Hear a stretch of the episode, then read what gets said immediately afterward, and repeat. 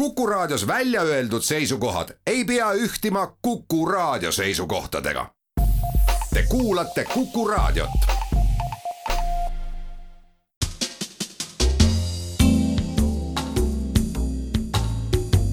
tarkade klubi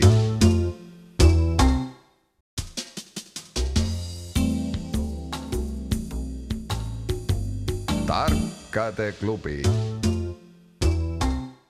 tere taas, Kuku raadio Tarkade klubi tervitab häid kuulajaid laupäeval, mis tänavu sattunud olema see vaikne ehk läänekristlaste ülestõusmispühade kulminatsiooni eel ja ajal, mis muuhulgas tuntud sõltuvalt vastaja vanusest ja meeleolust ka kui munadepühad, kirikupühad, kiigepühad, kevadpühad, koidikupühad, eostrepühad ja seda loetelu võiks kohe jätkata veel mõnda aega.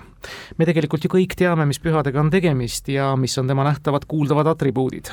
kõlavad kellad, ristikäigud, pajuuitud jänesed ja muidugi need kirjud, laigulised, triibulised, karvased ja suulelised, ruudulised nägudega ja tegudega, peamiselt keedetud munad korvis või kausis seismas enamasti televiisoris televiisori kõrvalt tikitud linikul.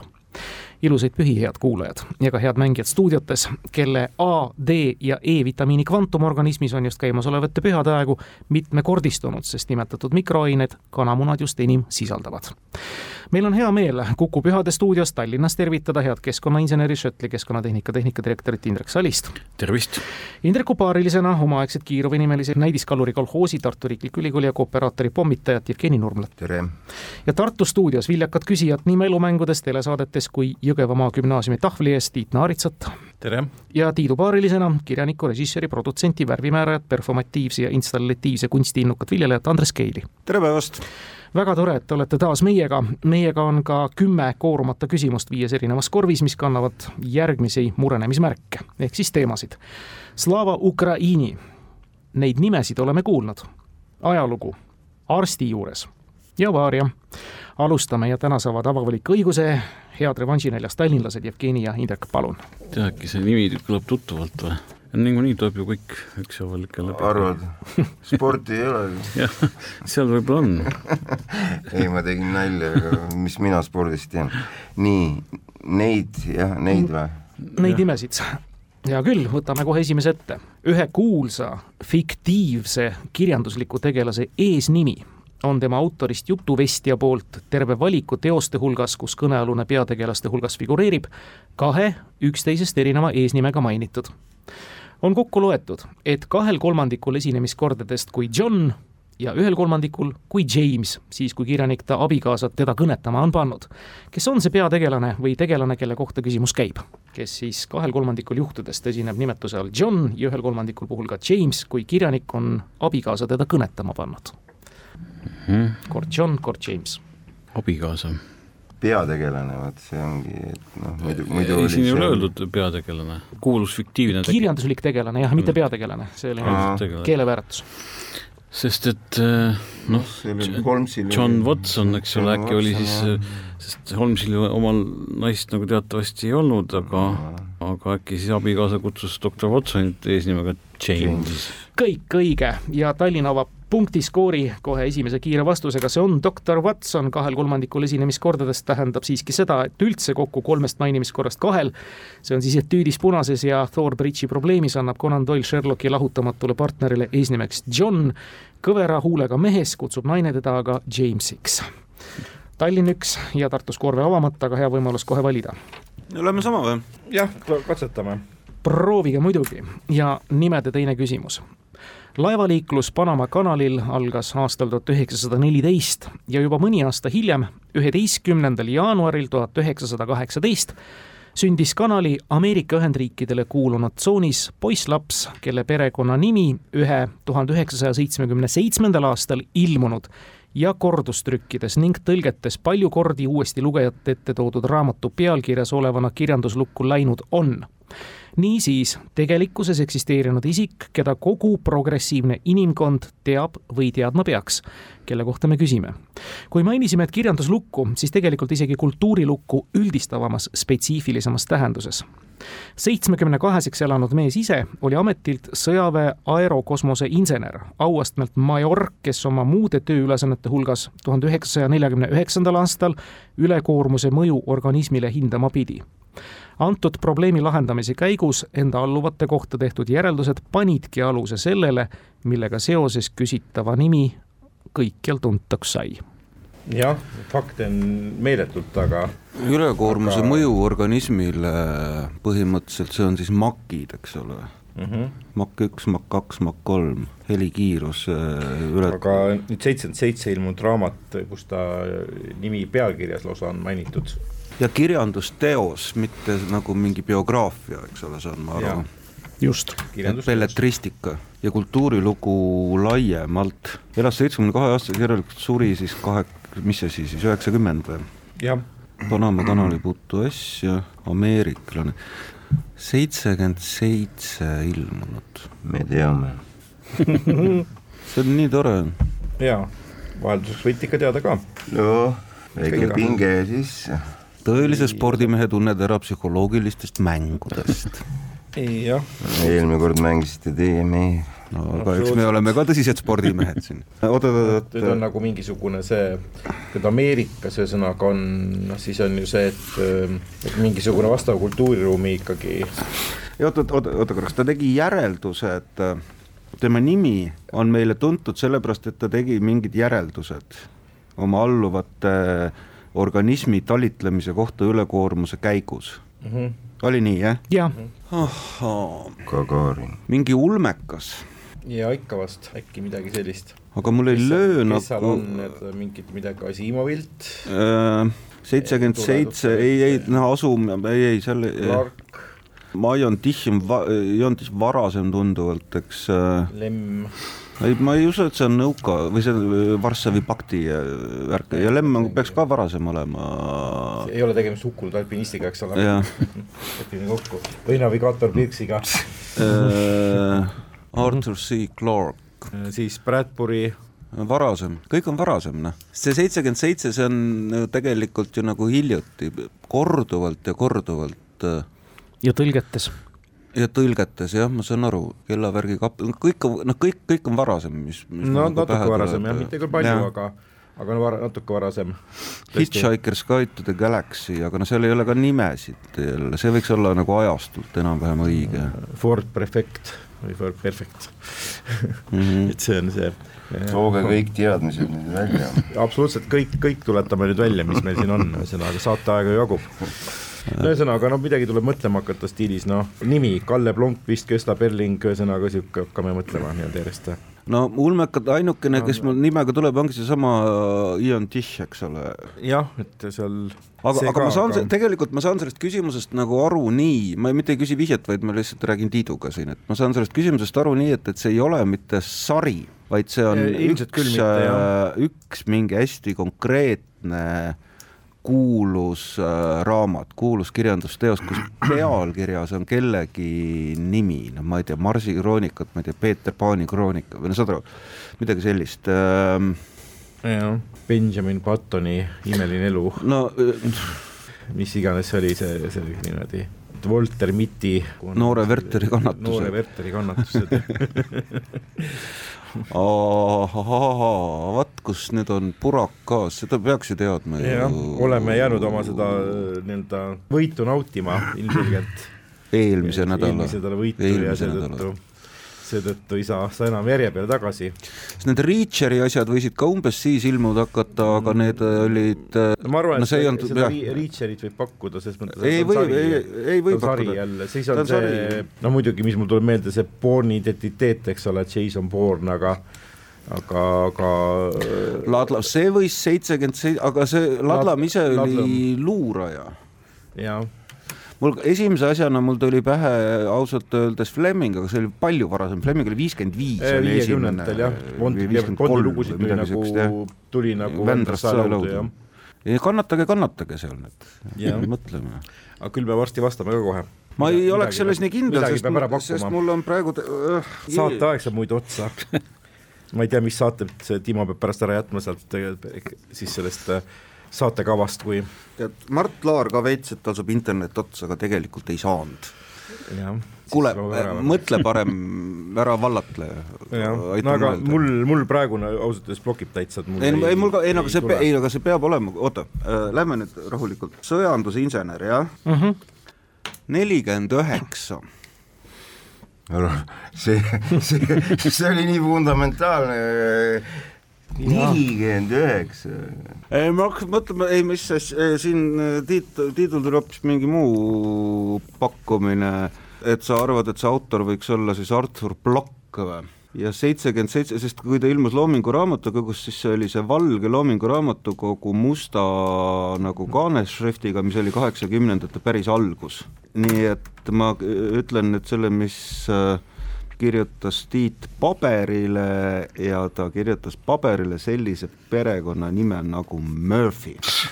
ja tõesti, Edward Murphy oma laboritehnikute selle eksperimenti käigus tehtud tööd hinnates väitis ta, et kui on kaks alternatiivset viisi midagi teha, lähtudes eeldusest, et üks teguviisidest on ebasoovitava tagajärjeni viimas, valitakse kellegi poolt alati nimelt see viis, millegipärast hakkas osutatud Murphy tähelepanek väljaspoole ta tüüpiliste suhtluskeskkonda levima ja vormus siis aastakümneid hiljem omamoodi argifilosoofiana Artur Blochi Murphy seaduste raamatus, just nii.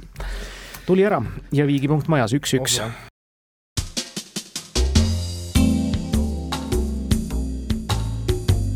tarkade klubi.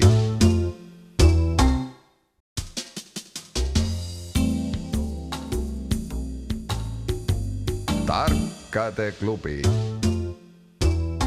Jätkame, Jevgeni, Indrek, teie valik. Varja. ja lähme Varjaga edasi. Tarmo Niinepuu on mõlemad Vaarja küsimused meile saatnud, esimene neist tuhande üheksasaja üheksateistkümnendal aastal lahkus siit ilmast Milan Rastislav Stefanik Slovakkia poliitik, Prantsuse armee kindral ja Tšehhoslovakkia sõjaminister. ta on tänini teatud mõttes unikaalne ja ajalooline isik, omades teatavat sidet järgnevate linnadega kui Viin, Brno, Džör ja Bratislava.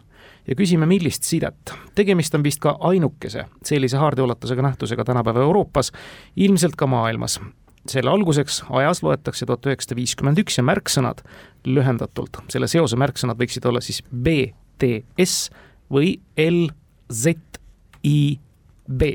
Stefanik. ja teatav side linnadega Viin, Brno, Džõr ja Bratislava. Kuidas need tähed või märksõnad? jaa, BTS või LZIB BTS ei ole see Korea bänd, eks ole? vaat ma ei oska öelda, ei tunne Korea popmuusikat. no seda võiks ikka teada. alates viiskümmend üks. ei võiks. alates viiskümmend üks, jah. aga mees suri juba üheksateist. just. Mm, oota, mis riigist meil jutt oli? Slovakkia. Slovakkia hmm. kes jõudis olla ka siis Prantsuse armee kindral ja Tšehhoslovakkia sõjaminister. ja küsimus oli siis, et mis seob teda siis järgnevate linnadega kui Viin, Brno, Džõr ja Bratislava? see seos on ühene, mitte nii, et igaühega eraldi. me, see on siis mingi Austria-Ungari või? nojah, kõik need ähm, linnad olid küll omal ajal ju Austria-Ungari linnad, aga aga, aga vot see nüüd ajab ka natuke segadusse, et miks siis jälle viiekümne esimesest aastast, eks ole mm. -hmm. ja kõik need muud, BTS või ja. LCIB. see on ka kõik aastast tuhat üheksasada viiskümmend üks. aasta viiskümmend üks, no siin toimub? see peab siis no vot jah, kas need tähed, eks ole, tähed tähendavad siis mingeid sõnu või nimesid või, või mis keeles või märksõnad on siin öeldud, lühendatult oli see nii, jah? jaa, sellega seotud märksõnad sellega, on siis lühendid, jah. sellega seotud, miks just viiskümmend üks, eks ole, millal Stefanik ja mis puudutab Viini või Jüri, eks ole. Jüri on meil Ungari, jah? jah, et no Bratislava okei okay,, aga ja võib-olla ka siis Brno, aga mis teda seob siis, noh tähendab, teda seob alates viiekümne esimesest aastast või? jaa. okei okay., enne ei sidunudki miskit peale surma mitukümmend aastat. no ütleme, viiskümmend üks oli Viin ka veel Vene okupatsioonivägede käes, eks ole, aga B ja D ja S, L, C, I, B, no see on ikka ka jälle ikka parajalt krüptiline. jah, tuleb möönda. jah no ma ei tea, kas Viini pandi Stalini kuju või midagi, no muidugi siis Stalini kuju tõstigi Stalini järgi, et äkki, äkki ta oli kuidagi noh, kellegi moodi modelliks, eks ole, et äh, võeti selle mehe pilt ja mis need lühendid siia puutuvad? No ei tea jah, nüüd ei oska kohe seost, seost öelda, et äh, aga jah, ühel, ühel korral on kolm, kolm lühendit. kolm tähte, jah. kolm, kolm tähte, teisel on neli. neli sõna ja kolm sõna noh, mingisugused klubide, spordiklubide nimed just ka ei saa olla, eks ole, kuidagi, mis seob teda järgnevate linnadega või noh. Need on kõik ju, üks on Austria, üks on Tšehhi, üks on Slovakkia jah ja. ja üks on Ungari. just, viiskümmend üks oli, eks ole, üks Tšehhi, Tšehhoslovakkia, aga aga no ikkagi, et, et noh, see on nagu üks kant, aga, aga, aga Tjör Ungaris, noh, ja Viin, no Donau jõgi igalt poolt ka läbi ei voola neist, et kuidagi mingisugused laevanimed või, või, mis iganes, eks ole või, või, või äkki tal oli siis mingi muu nimi, mille järgi ta oli, ta no, oli ka tuntud, eks ole, jah. äkki ongi, et on mingi muu nimega tegelikult peaks teadma teda. vot kuidas see algus oli tema nagu varasemast elupaig-? jaa, ta on siis olnud Slovakkia poliitik, Prantsuse armee kindral ja Tšehhoslovakkias sõjaminister ja on tänini teatud mõttes unikaalne ajalooline isik, omades teatavat sidet selliste linnadega kui Viin, Brno, Džir ja Bratislava ja me küsime, millist sidet.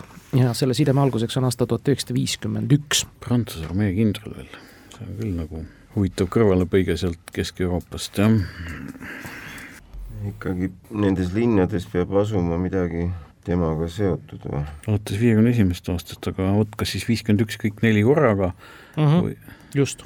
ahah, see teeb veel segasemaks jah, et üht, ühtäkki neljas erinevas kohas linnas midagi temaga seotud veel toimus? ausalt öeldes ei tunne nagu süda, sellist sügavat sisemist äh, tungi ka ilkuda teie kallal, sest meil on täpselt sama seis siin no küsimus on ka ju selles, et no ei saanud olla nii, et viiekümne esimesel pandi sinna tema mingid see oli sul hea mõte, et oli mingi millegi, aga mis ta ei saanud ju modell, tuhat üheksasada üheksateist suri ära, no et sa mõtled mingi foto järgi jah, ja miks need märksõnad sellised? Ähm, jah, et äh, veel lisatud siia mingid Korea bänd siia. Korea bänd ja Leibniz. jah, mis seob teda järgnevate linnadega, noh, no, no no mingisugused raudteejaamad või mingid sellised asjad ei saa ka järsku kõik neli korraga seda nime, seda nime kanda, aga jah, no Viin ja Brno on, eks ole, omavahel mm -hmm. lähedal ja Bratislava on ka seal kolmnurgas. ikka aga, aga Djör on sealt ikka tunduvalt kaugemal, jah. kaugemal, jah. või siis ikkagi kuidagi hakkas mingisugune laev sealt sõitma, mis kandis tema nime kuidagi. noh, anname poistele ka võimaluse. laeva juurde jätta ei ole kahjuks õige vastus ja palun, nõutud. no me mõtlesime ka selle peale, et noh, et, et Donaud mööda liikuv laev, eks. Tiit mõtles siin, et lennujaamad, aga noh, ma nagu vaidlen vastu, et no miks peaks nagu no see on see, et tõesti, et miks peaks, aga, aga see oleks tõesti nagu kurioosne, et mingi venna järgi on neli lennujaama, et Viinis, no jaa, aga... Viinis ei pruugi olla sugugi see kõige, kõige tuntum lennujaam, see, mis, mis seal on, sest ma arvan, et see suurim, mis seal Viinis olla võib, see ilmselt ei ole selle järgi, aga aga seal kindlasti Viini piirkonnas on kindlasti neid lennujaamu veel. jaa, aga ma väidan, ausalt öeldes ma väidan nagu seda, et mul nagu oli see, et see BTS nagu, see oleks nagu mingisugune see, vaata see lennujaama kood, see nagu tunne mul tekkis kuidagi. nii, kuna saateaeg on palju läinud, ma panen teile punkti. Tiidu mõte on õige. see on ja. lennujaam ja see on Bratislava lennujaam ja küsimuse autor peab siis silmas, et see lennujaam teenindab neid nelja nimetatud linna nii-öelda oma regioonina kui suurim. asutatud aastal tuhat üheksasada viiskümmend üks ja ta on siis nii-öelda Viini, Brno, Džiri ja Bratislava nii-öelda teenindusareaalis. Okay. Mm -hmm. nii oli ta mõeldud vastus. Tartu kaks, Tallinn üks ja lähme edasi. Andres ja Tiit, te saate valida kuule, siin on üks küsimus või valdkond nagu arsti juures, selle spetsialistid on tänapäeval kõik ju, eks ole, nii et mm -hmm. suured, suured eksperdid. nii, nii. siin peab, siin peab lihtne midagi olema. kuulame siis teie ekspertiisi järgmisele küsimusele. milline viirushaigus on ametlikult nimetatud kui parotiit?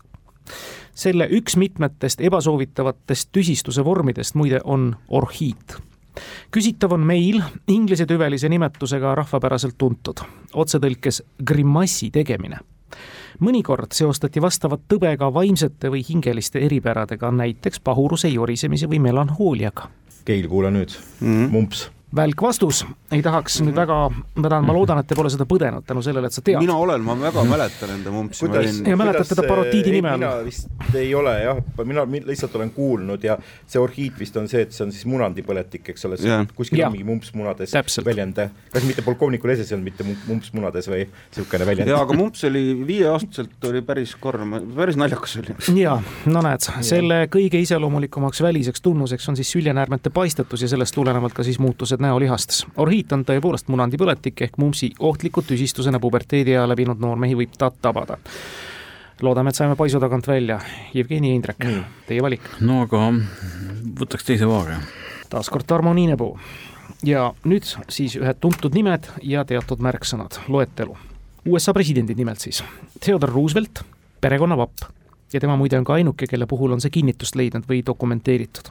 Andrew Jackson, Tomahawk James K Polk, Hiina sümbolid ja Franklin Delano Roosevelt, perekonnavapp. mille kohta see loetelu käib või millest käib jutt? Eestis teadaolevalt ei ole selliseid näiteid. Roosevelt, Theodore perekonnavapp ja tema puhul on see siis ka kinnitust leidnud ainsana, Andrew Jackson, nüüd lisame juurde siis väidetavalt Tomahawk, James K Polk, Hiina sümbolid ja Franklin Delano Roosevelt, perekonnavapp, millest käib jutt? perekonnavapp ja Hiina sümbolid ja Tomahawk. ja ühel on kinnitust leidnud, aga teisel on olet, teistel on väidetavalt. Jackson oli see mees, kes nende indiaanlastega võitles ju. nii, seepärast ongi Tomahawk, eks ole. noh, Tomahawk, et, et kas see on siis äh, noh, et, et, et see, mis tal seal hauakivil on, eks ole, või nii, aga no seda selles mõttes muidugi, et miks väidetavalt, et siin saab ju nagu seda kontrollida, et noh mis seal Theodor Roosevelt perekonnavapp? perekonnavapp ja tema on ka siis ainukene, kelle puhul on see kinnitust leidnud, see, mille kohta me küsime. ülejäänute puhul siis väidetavalt Jackson Tomahawk, James K Polk Hiina sümbolid ja Franklin Roosevelt oli siis ka perekonnavapp. noh, kõik mingid sümbolid on, eks ole, aga, aga kus need siis pidid nagu esinema, esinema või välja tulema, eks ole, et noh, see ei saa olla ju mingi tempel või, või mingi, see on ju riigi asjad on riigi asjad, on ju jah, aga, aga noh, presidendid on siin kuidagi välja, välja otsitud, eks ole, just nimelt. noh, võib-olla jah, kuidagi mingi allkirja juurde, mis ta pani, nojah, perekonnavappe on päris keeruline joonistada sinna omale juurde. noh, see on nagu templina. jah, aga, aga see, et noh, et kas oli tomahawk või ei olnud, eks ole, et seda ju tagantjärgi saaks ju näha paberilt, eks ole. nojah, seda saaks kõike ju näha, jah. ja Polkil olid Hiina sümbolid mina ei tea, äkki mingi tätoveering või? õige ah,, ma nüüd katkestan, see on tõepoolest tätoveeritud. USA presidendid. ja selle puhul on tõesti tagantjärele nimetatud puhul hästi keeruline kindlaks teha, oli siis või ei olnud. Theodore Rooseveltil oli ju, siis jäi kuskil silma. tätoveeringud ja nende täpne sisu. teine punkt teile, Tartul kolm, pool mängu selja taga. Tartu valib ma ei tea, võtaks arsti. ma läheks arsti juurde veel. tundub, et teil seal arsti juures väga meeldib. ja Tenno Sivadi, Tenno Sivadi küsimus. kes meeldib meile ka väga. tore.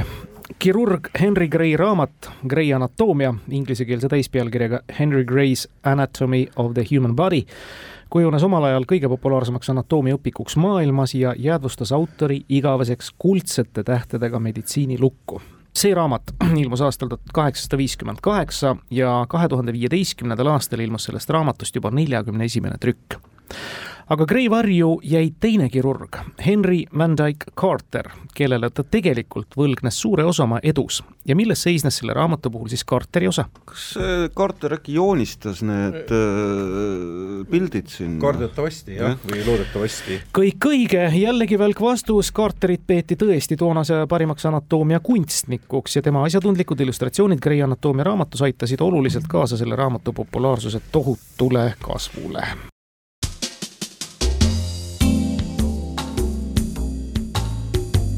Tarkade klubi.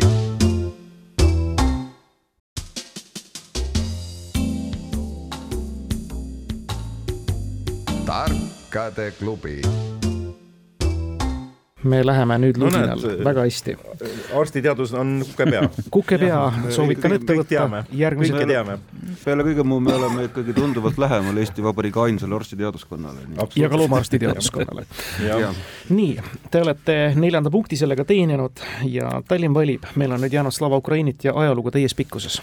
no hakkame siis järjest pihta, Slava Ukraini. Kiievis nii tsaariaegse, nõukogudeaegse kui ka praeguse Ukraina relvatehase Arsenal vahetus läheduses on rajatis või ehitis, mis on omataoliste hulgas maailmarekordina arvel. see valmis kuuendal novembril tuhat üheksasada kuuskümmend. milline ehitis või rajatis? rekordit väljendav arv on sada viis koma viis. Mhm. no palju meil siin saateaega on, et anname andke minna. jälle ki kiire vastuse või, et yeah. maailma sügavaim metroojaam siis, Arsenalna jaam. just nii. Kiievis ongi maailma kõige sügavam metroo ja kõige sügavam jaam siis Arsenalna ja maailma kõige sügavam asetsev saja viie meetri ja viiekümne sentimeetri sügavusel. nõnda, ja te teenite siit oma kolmanda punkti, läheme samu rööpaid pidi edasi või kuidas Tartu valib? jaa, muidugi. ja ikka, ikka Ukraina jaoks ka midagi Ukraina spordist kõneledes ja selle kohta küsides oleme niisiis teadlikud, et selle suure riigi edukaim ala on olnud läbi aegade sportvõimlemine ja seda juba siis Nõukogude okupatsioonist alates edukaim naine olümpiamängude ajaloos on siis Hersonist pärit Larissa Latõnina, üheksa kuldmedalit võitnud. Aga meie küsime, nimetage need kaks sportvõimlejat, meest, kes on Ukraina kõigi aegade edukaimad meesatleedid olümpiamängudel üldse, pidades silmas siis ka Nõukogude Liidule võidetud medaleid. kumbki neist küsitavaist krooniti seitsmekordseks olümpiavõitjaks.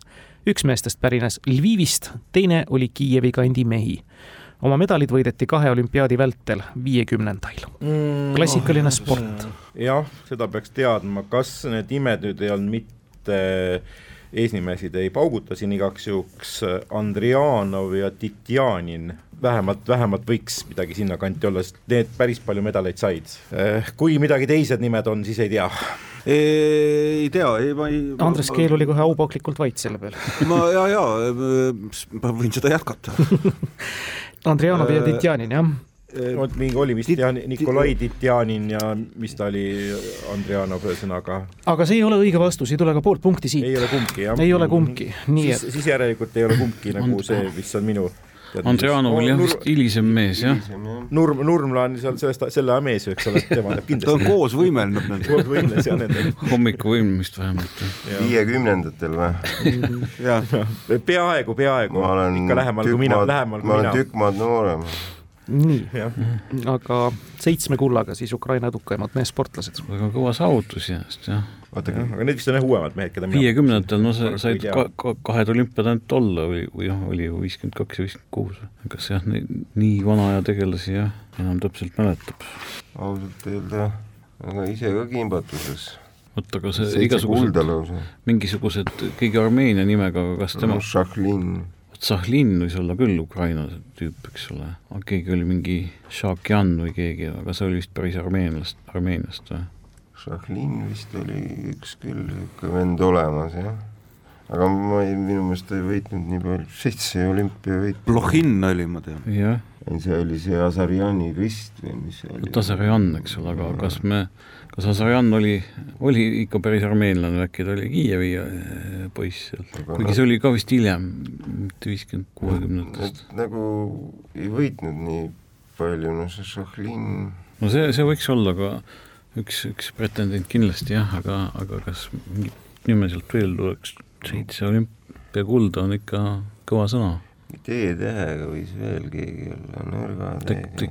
Tektja-, mingi Tektjarenko. no see mitte... Tektjarjov, Tektja, Tektja. Tjanin oli see, keda Tiit pakkus, aga see, see, see on hilisem mees. see on ilmselt mingi sihuke asi, jah. näete, kahel olümpial, noh, et Asarjan võib olla tõesti tõmmekas sihuke. kuidas kaks meest said nagu korraga saada kahtedelt olümpiat kokku neliteist kulda? ei no sa oled meeskonnavõistluses erinevad no, kas... riistad, noh, see üks sai nagu tundub päris müstika.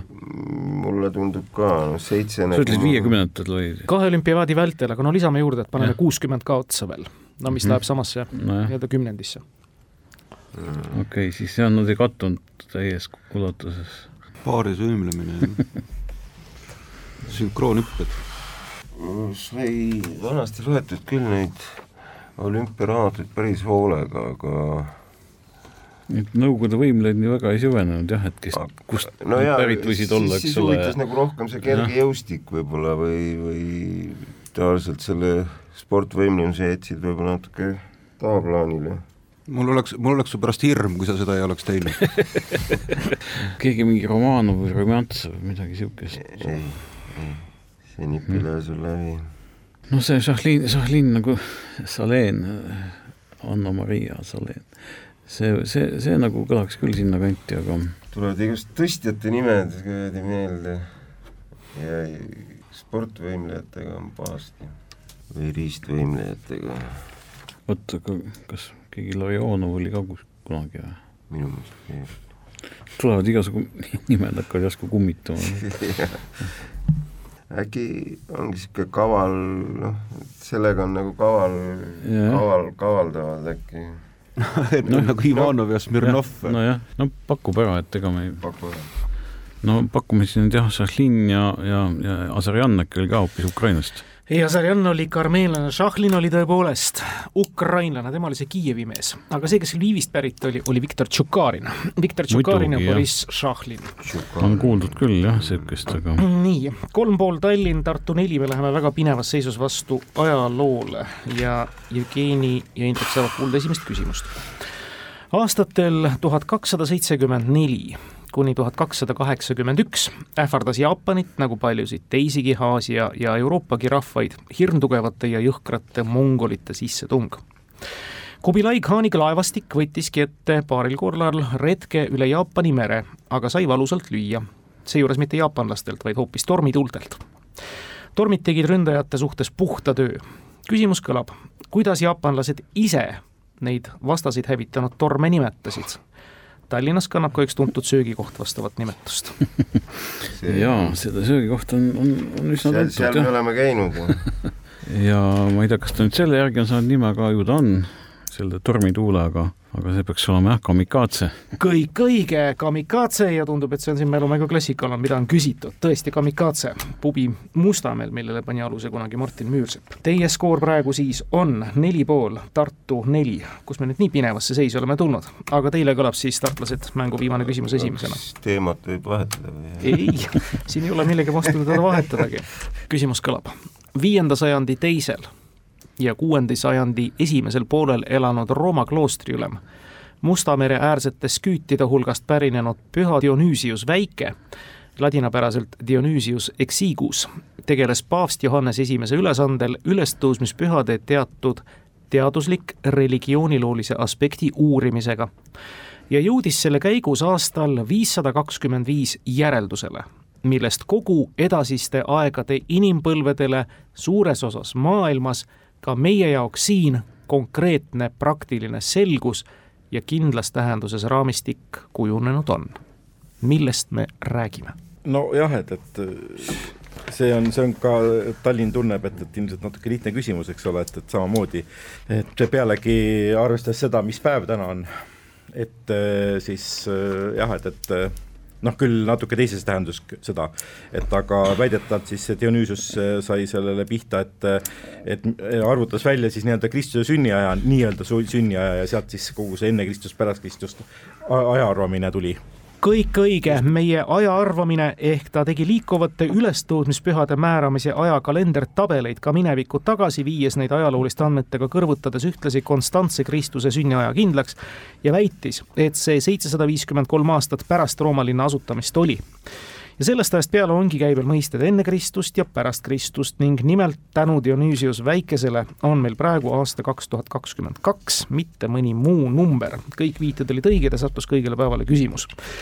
Neli pool, Tallinn, Tartu viis, vaat sellise hoogsa mänguga läksime ja ainus vastamata asi oli siis Viktor Tšukarin ehk siis pool punkti tollest Ukraina võimlejate küsimusest. nii resultatiivset mängu ei mäletagi. selle koha pealt, selle koha pealt ausalt öeldes ei oska ka kuidagi piinlikkust tunda no ega midagi, vähemasti tuli teadmine juurde. kuuldud fakt, aga jah. aga kogu selle nii-öelda vastatud hulga hulgast siis, mis teile siis täna siis sümpatiseeris küsimustest vast enim? no ilmselt, ilmselt see, mille kõige hirmsama vaevaga välja mõtlesin mm, -hmm. mis oli nii ilmselge, aga näed, mõnikord on niimoodi, et noh, vaatad nina ette, aga, aga ei näe, märka, et asi seal maas vedeleb. Murphy'st räägime siis jah ja, ja ühtlasi, ühtlasi meie kõikidele nagu noorematele või võib-olla ka mitte nii noortele lugejatele, kes ei ole, või kuulajatele, kes ei ole selle imetabase teosega kokku puutunud, siis äh, ma annaks tungiva soovituse nüüd seda teha selle soovitusega siis ühtlasi viitame ära, et küsimuse autor muidugi Margus Pillau. me tänase saate lõpetame lootuses siis tõepoolest nüüd päriselt ka ilusa kevade jätkule ja loomulikult ka häid ülestõusmispühade jätku soovides aitäh teile, Andres, aitäh, Tiit Tartus, aitäh, Jevgeni, aitäh, Indrek Tallinnas stuudios kaasa mängimast. tõesti ilusat kevadet ja uute kuulmisteni.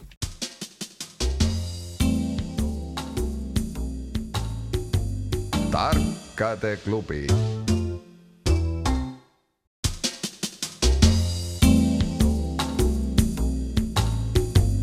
tarkade klubi